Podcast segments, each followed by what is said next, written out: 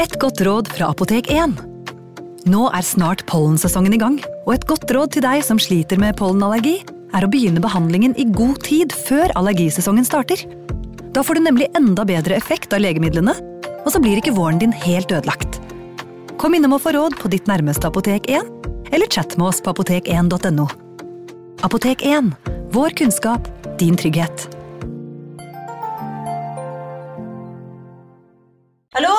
Jeg kommer fra Oslo politikammer. Ine Jansen er purk. Er du purk? The motherfucking bitch. Alt jeg vil, er å finne ut hva som skjedde med mannen min. Jon Carew. Er jeg sikta for noe? Iben Akeli. Det er du. Ole So, Lars Berrum og Big Daddy Karsten. Hvem sin side er du på, egentlig? Anette Hoff, Tone Danielsen, Kommer du fra Afrika? Jørnis Josef, Nesten kløfta. Trond Espen Seim, Det er synd å si det, men det var feil mann som døde. Purk. Premiere tirsdag på TV2 Play. Hei! Takk for at du lytter til True Crime Podden dokumentar. Skulle du ønske at du kunne høre en ny episode av denne podkasten hver eneste uke? Vel, da er det bare å laste ned podkastappen Untold med en gang.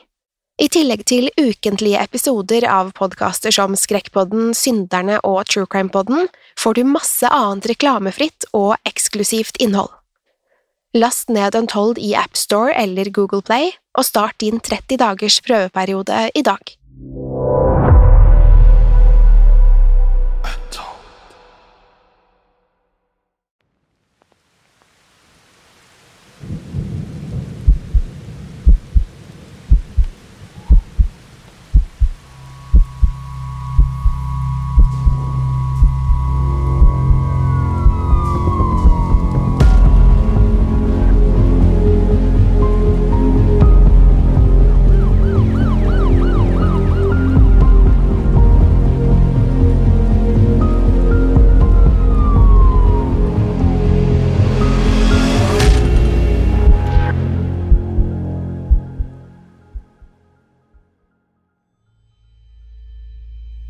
Jerry tok en runde til med vinflasken. De fleste rundt bordet takket ja til et glass til. Klokken var jo ikke mer enn ti. Hver kveld den siste uken hadde de syv vennene samlet seg rundt det samme bordet på den samme tapasrestauranten. Det var vanskelig å gå lei av restauranten. Ikke bare hadde de fantastisk mat, det var også en sånn variasjon av retter at de kunne spise noe nytt hver dag hele ferien. Det var også helt perfekt, fordi restauranten lå innenfor leilighetskomplekset, der de alle leide hver sin enhet. Det var bare å spasere rett ut døren og inn på restauranten, som lå 50 meter unna. De syv hadde ankommet den lille turistbyen Praia da Luz i Portugal fem dager tidligere. Alle i reisefølget hadde krevende jobber og skulle endelig få tid til å slappe av. Det var alle enige om at de hadde fortjent nå. Idet Jerry løftet vinglasset for å skåle blidt mot vennene, kunne han plutselig høre raske skritt bak seg. Han snudde seg og fikk se Kate komme løpende nedover mot bordet. Hun hadde et fordreid uttrykk i ansiktet og så helt vill ut. Jerry reiste seg og gikk mot konen sin med en bekymret mine. De andre rundt bordet kunne også se at noe var galt, og ble stille. Alle stirret på Kate der hun pustet og peset. Kate stirret opp på Jerry med frykt i øynene og tårer trillende nedover kinnet. Så sa hun ordene som skulle sette i gang en av de største forsvinningssakene i nyere tid. De har tatt henne. De har tatt Madeline. Praia da Luz, eller Lysets strand, er en vakker, liten landsby på sørkysten av Portugal. Den fremstår som et visuelt paradis. Lange, hvite strender strekker seg langs det safirblå havet. De mange små, hvite husene med flate tak minner om mange andre byer i Sør-Europa. Matos fra restaurantene fyller gatene om kvelden, og gledeshyl fra barn kan høres langs stranden på dagtid. Frem til 70-tallet hadde landsbyen først og fremst vært hjem til fiskere, men da utenlandsturismen eksploderte, ble det et yndet reisemål. Spesielt for britiske familier. Landsbyen ble etter hvert så populær blant britene at den fikk tilnavnet Little Britain. Landsbyen er et perfekt reisemål for barnefamilier, men også for surfere og turgåere.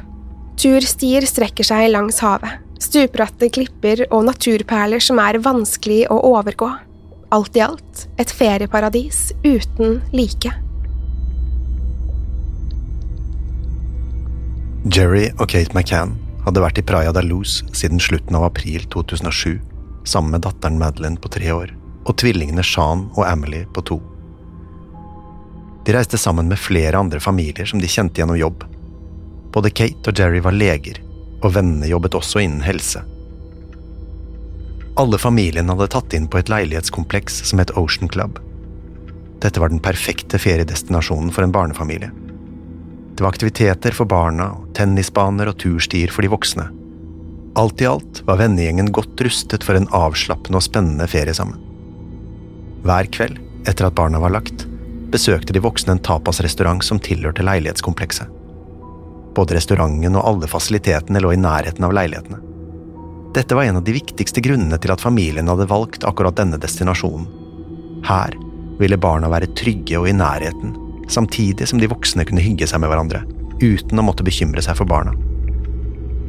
Ocean Club tilbød til og med barnepass på kveldstid, slik at foreldrene kunne få litt alenetid. Likevel valgte familien å ikke ta imot denne tjenesten.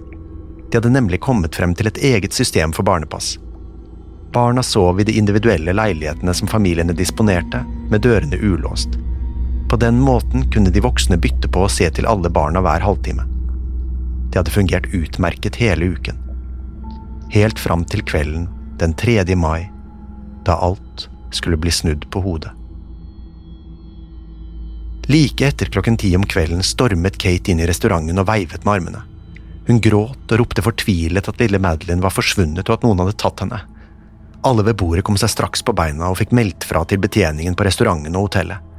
Alles første tanke var at jenta kunne ha våknet og vandret ut i natten på egen hånd. Derfor begynte alle å lete etter henne. Om hun hadde gått ut, kunne hun ikke være langt unna. De ropte på Madeline og lette alle mulige steder i nærheten. Men det fantes ingen spor etter henne. Det var ingen logisk forklaring på hvor hun kunne ha blitt av. Da de hadde lett en times tid, bestemte alle seg for at det var på tide å tilkalle politiet. Da to politibetjenter dukket opp i leiligheten omtrent klokken 23, fant de Kate og Jerry i tårer og panikk. Det første de ville vite, var hva som hadde skjedd den kvelden, hvem som hadde vært hvor, og når Madeline var blitt observert sist. Kate og Jerry kunne fortelle at de hadde forlatt leiligheten klokken 20.30 den kvelden, etter at Madeline, Sean og Emily hadde sovnet. Derfra hadde de gått til restauranten hvor de hadde møtt vennene sine. De hadde spist og kost seg, mens de hele tiden holdt seg til barnepassystemet sitt. Alt hadde vært som alle de andre kveldene. Den første som hadde tatt runden i leilighetene, var en av parets venner, Matthew Oldfield. Han hadde sett til sine egne barn, og hadde også sagt at han kunne se til McCann-barna. Oldfield hadde kun åpnet døren til Kate og Jerrys leilighet og lyttet etter lyder. Da han ikke hadde hørt noe, hadde han regnet med at alt var i orden, og gått tilbake til restauranten. Til tross for at Oldfield nettopp hadde vært der, bestemte Jerry seg for å se til sine barn kun fem minutter senere. Han fortalte at han da hadde sett Madeline i sengen sin. Han hadde stått og sett på henne sove en liten stund, før han gikk tilbake til selskapet. Senere beskrev han det som et av sine stolteste pappaøyeblikk. Han hadde sett på datteren og tenkt at det ikke fantes noen vakrere enn henne. Omtrent klokken 21.30 var Kate på vei til å reise seg fra bordet men da hadde Oldfield nok en gang tilbudt seg å se til McCann-barna. Han skulle sjekke på sine egne barn likevel, og kunne titte innom Kate og Jerrys leilighet også. Nok en gang hadde han kun blitt stående i døren og lytte etter lyder. Heller ikke denne gangen hadde han hørt noe utenom det vanlige. Da Kate endelig gikk for å se til sine egne barn klokken 22, var det noe som virket annerledes i leiligheten.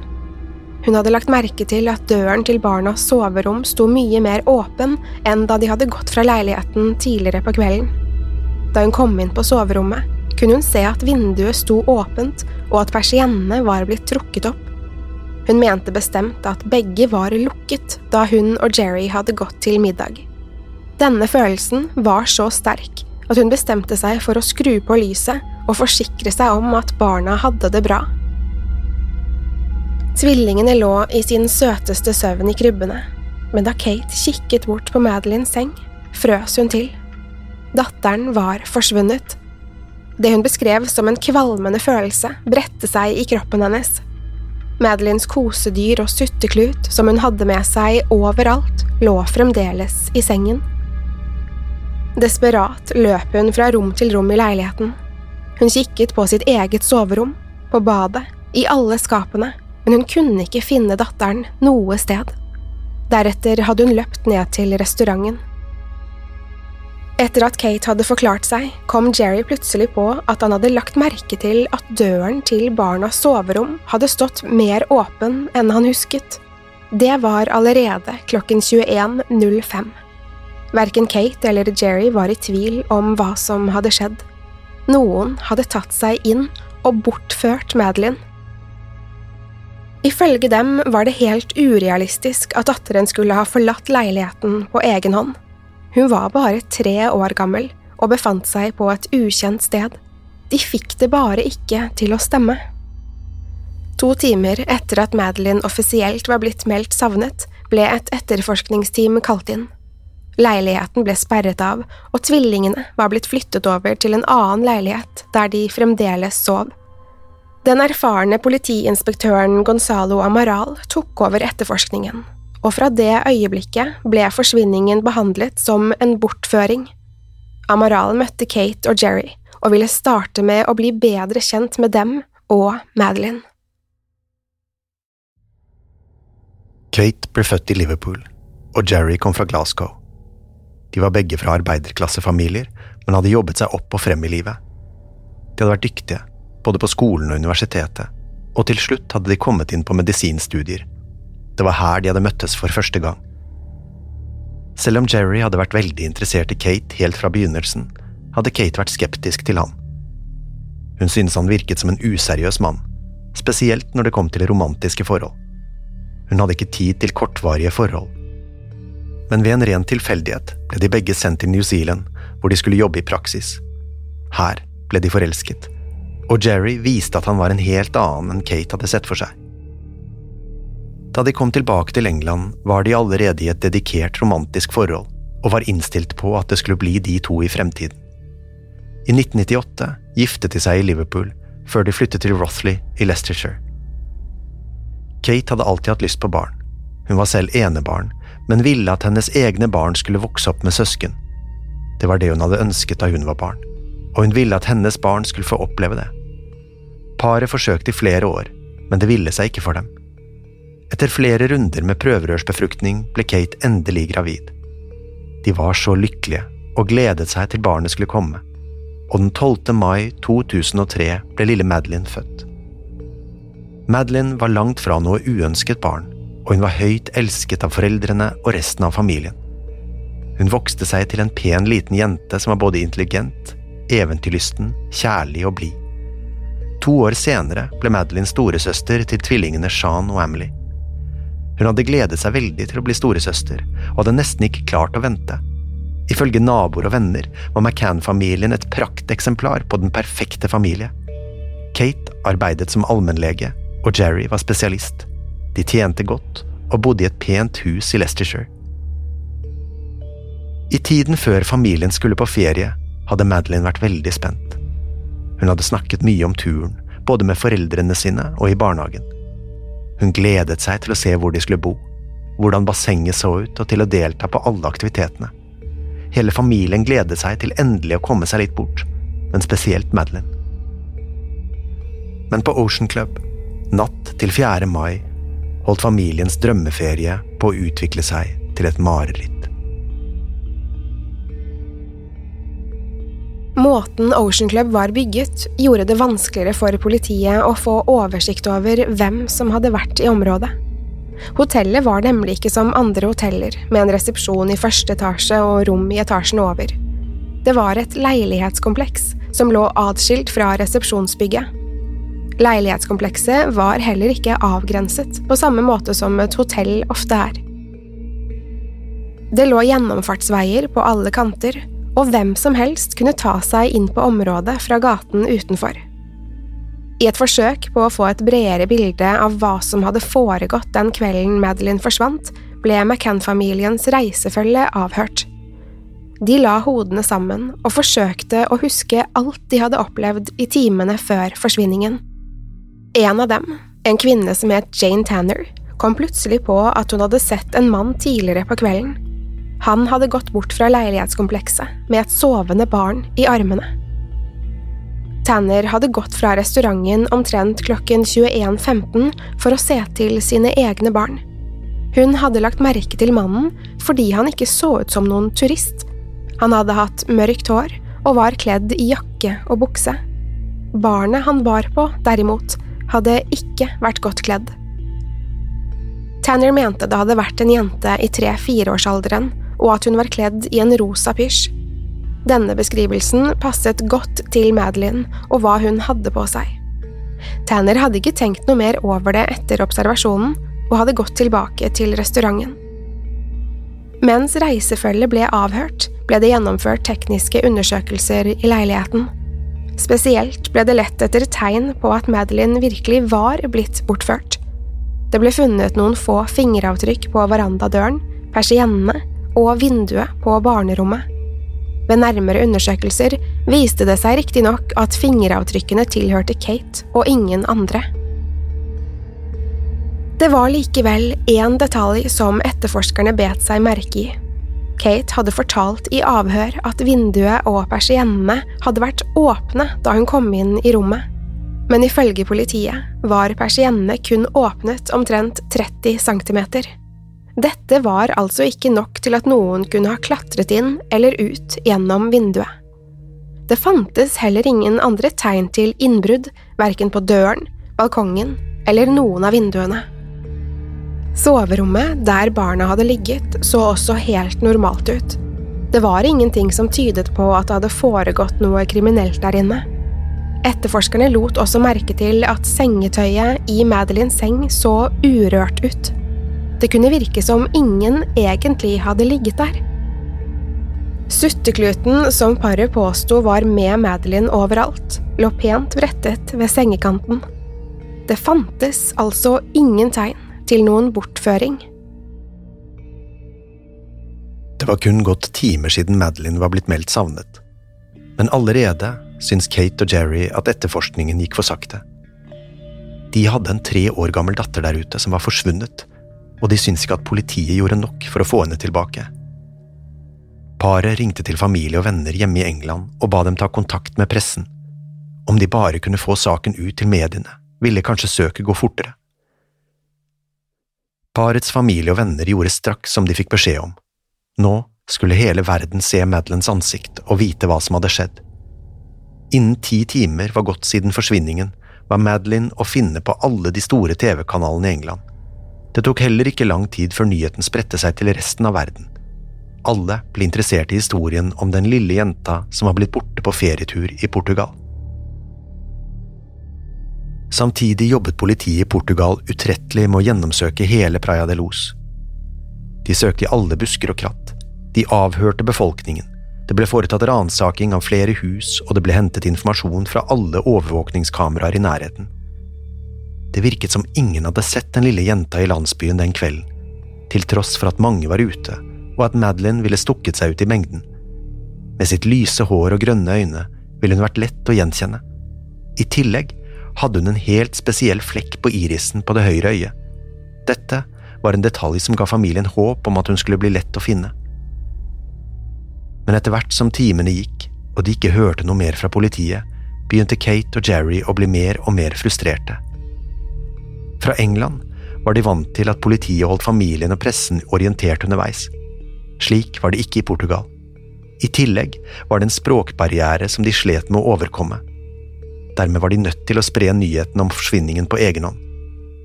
Om kvelden den 4. juni opptrådte de dermed foran TV-kameraene for første gang. Her ba de kidnapperen melde seg og gi dem tilbake datteren deres. En av dem som fulgte TV-sendingen, var 33 år gamle Robert Murat. Murat var britisk-portugisisk og bodde i Praia da Luz. Han bestemte seg for å hjelpe til i saken, og tilbød seg å fungere som tolk mellom familien og politiet. Familien satte stor pris på å ha Murat med på laget, men politiet begynte å fatte mistanke til han. Det virket rart at han skulle melde seg frivillig på denne måten. I tillegg virket han litt for vennlig og involvert. I mellomtiden begynte politiet å bli lei mediesirkuset som hadde samlet seg i byen. Aldri før hadde det vært så stor interesse for en forsvinningssak internasjonalt. De var dermed verken forberedt på eller villige til å involvere pressen i saken.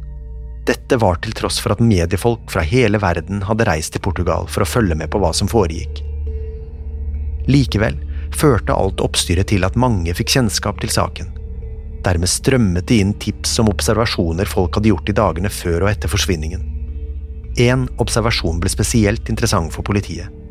En mann som het Martin Smith, kontaktet politiet den 26. mai.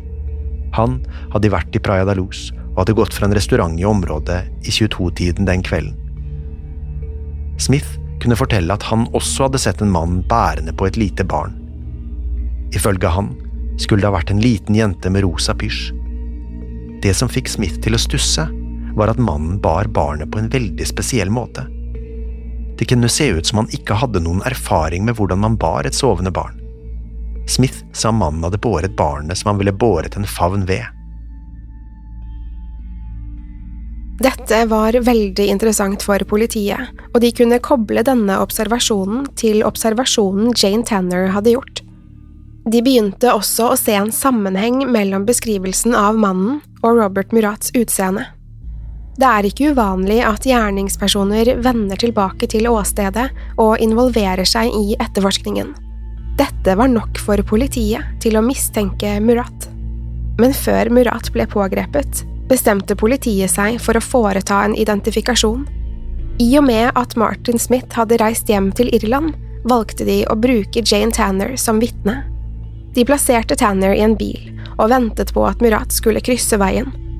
Tanner gjenkjente Murat som mannen hun mente å ha sett med barnet. Murat ble straks pågrepet og tatt inn til avhør. Her nektet han for å ha hatt noe som helst med forsvinningen å gjøre. Han mente han hadde alibi for hele den aktuelle kvelden. Han hadde nemlig vært hjemme hos sin mor, hvor de hadde sittet på kjøkkenet og pratet. Dette kunne moren bekrefte, og Murat ble sluppet fri, men han var fremdeles regnet som mistenkt. Samtidig fortsatte Kate, Jerry og familien å spre ordet om Madeleines forsvinning. De var redde for at hun fort kunne bli glemt av pressen og omverdenen om de ikke holdt det hele varmt. Dermed startet de et fond for å samle inn penger til å holde etterforskningen gående. I tillegg opprettet de en nettside hvor folk kunne sende inn tips i saken. Dette gjorde at saken begynte å få enda større oppmerksomhet. Flere kjendiser og innflytelsesrike personer ble tungt investert i forsvinningen. Alle fra JK Rowling og Cristiano Ronaldo til pave Benedikt 16. og Tony Blair fremmet saken og oppfordret alle til å holde utkikk etter jenta. Ansiktet hennes ble slått opp stort i alle aviser, på nyhetssendinger, ved sportsarrangementer og på konserter. Fra hele verden kom det støtteerklæringer til familien og håp og bønner om at Madeline skulle gjenforenes med foreldrene sine.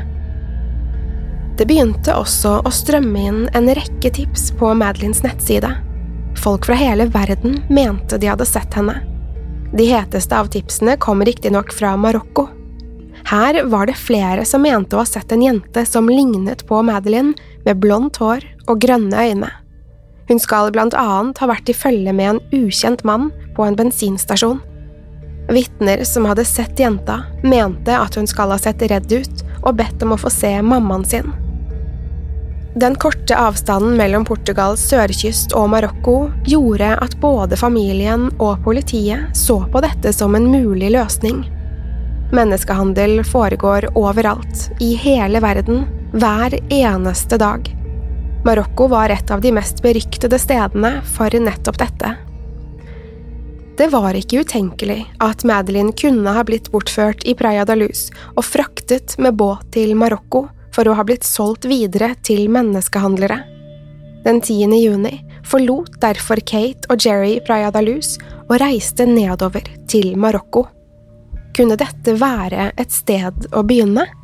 Var dette det neste steget for å finne lille Madeline McCann?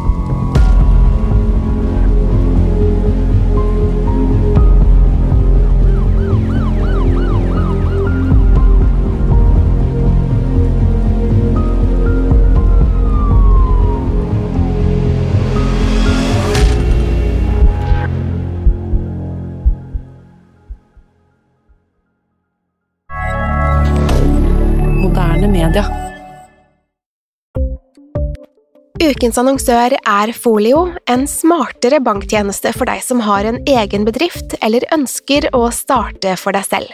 Folio er en superenkel nettbank for bedrifter. Som kunde i Folio får du en bedriftskonto med et bedriftskort og app. I denne appen er det smarte løsninger som forenkler regnskapet ditt, uansett om du har en liten bedrift eller et enkeltpersonsforetak. Folio er både intuitivt og brukervennlig, og er laget med et enkelt språk. I tillegg tilbyr de forutsigbare priser og ingen skjulte gebyrer. Skulle du likevel trenge det, så kan du snakke med deres raske og hyggelige kundeservice, og der får du prate med en faktisk person og ikke en chatbot. Folio er med andre ord både enklere og koseligere enn banken. Over 10 000 bedrifter har allerede valgt Folio som sin banktjeneste, så besøk folio.no og se hvordan Folio kan forenkle din hverdag også. Har du et enkeltpersonforetak eller en liten bedrift? Da er du sikkert lei av å høre meg snakke om hvor enkelt det er med kvitteringer og bilag i fiken, så vi eh, gir oss her, vi. Fordi vi liker enkelt. Fiken superenkelt regnskap. Kiwi er billigst i VGs matbørs og har vært billigst i fire av de fem siste VGs matbørser. Og nå presser vi prisene på frukt og grønnsaker.